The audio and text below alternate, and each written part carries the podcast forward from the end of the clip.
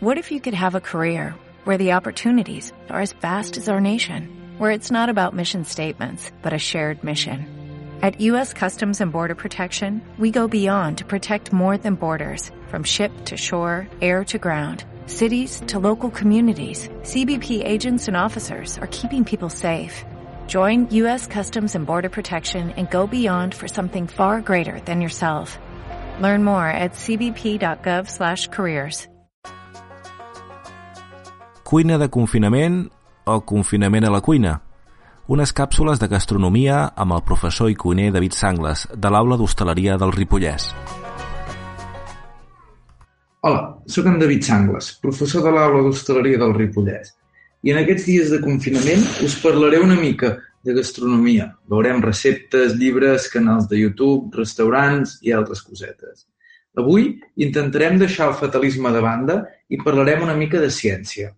La col·laboració constant de cuiners amb professionals del món de la ciència és un dels factors que va col·locar la cuina catalana al capdamunt de la gastronomia mundial durant molts anys.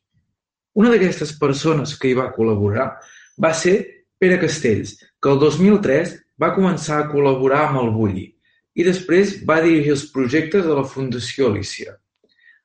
A part del desenvolupament de productes i tècniques, jo crec que un dels èxits més grans és haver portat un grapat de cuiners catalans com Nando Jovany, Joan Roca o Carme Ruscalleda, entre d'altres, a fer classes als estudiants de la Universitat de Harvard.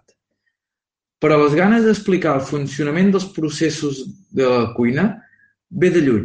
Segurament, el primer llibre que ho va intentar va ser l'escrit per Brillant Savarin, el llibre La fisiologia del gusto, escrit el 1852, i que si us sobren 3.884 euros podeu comprar la primera edició per internet.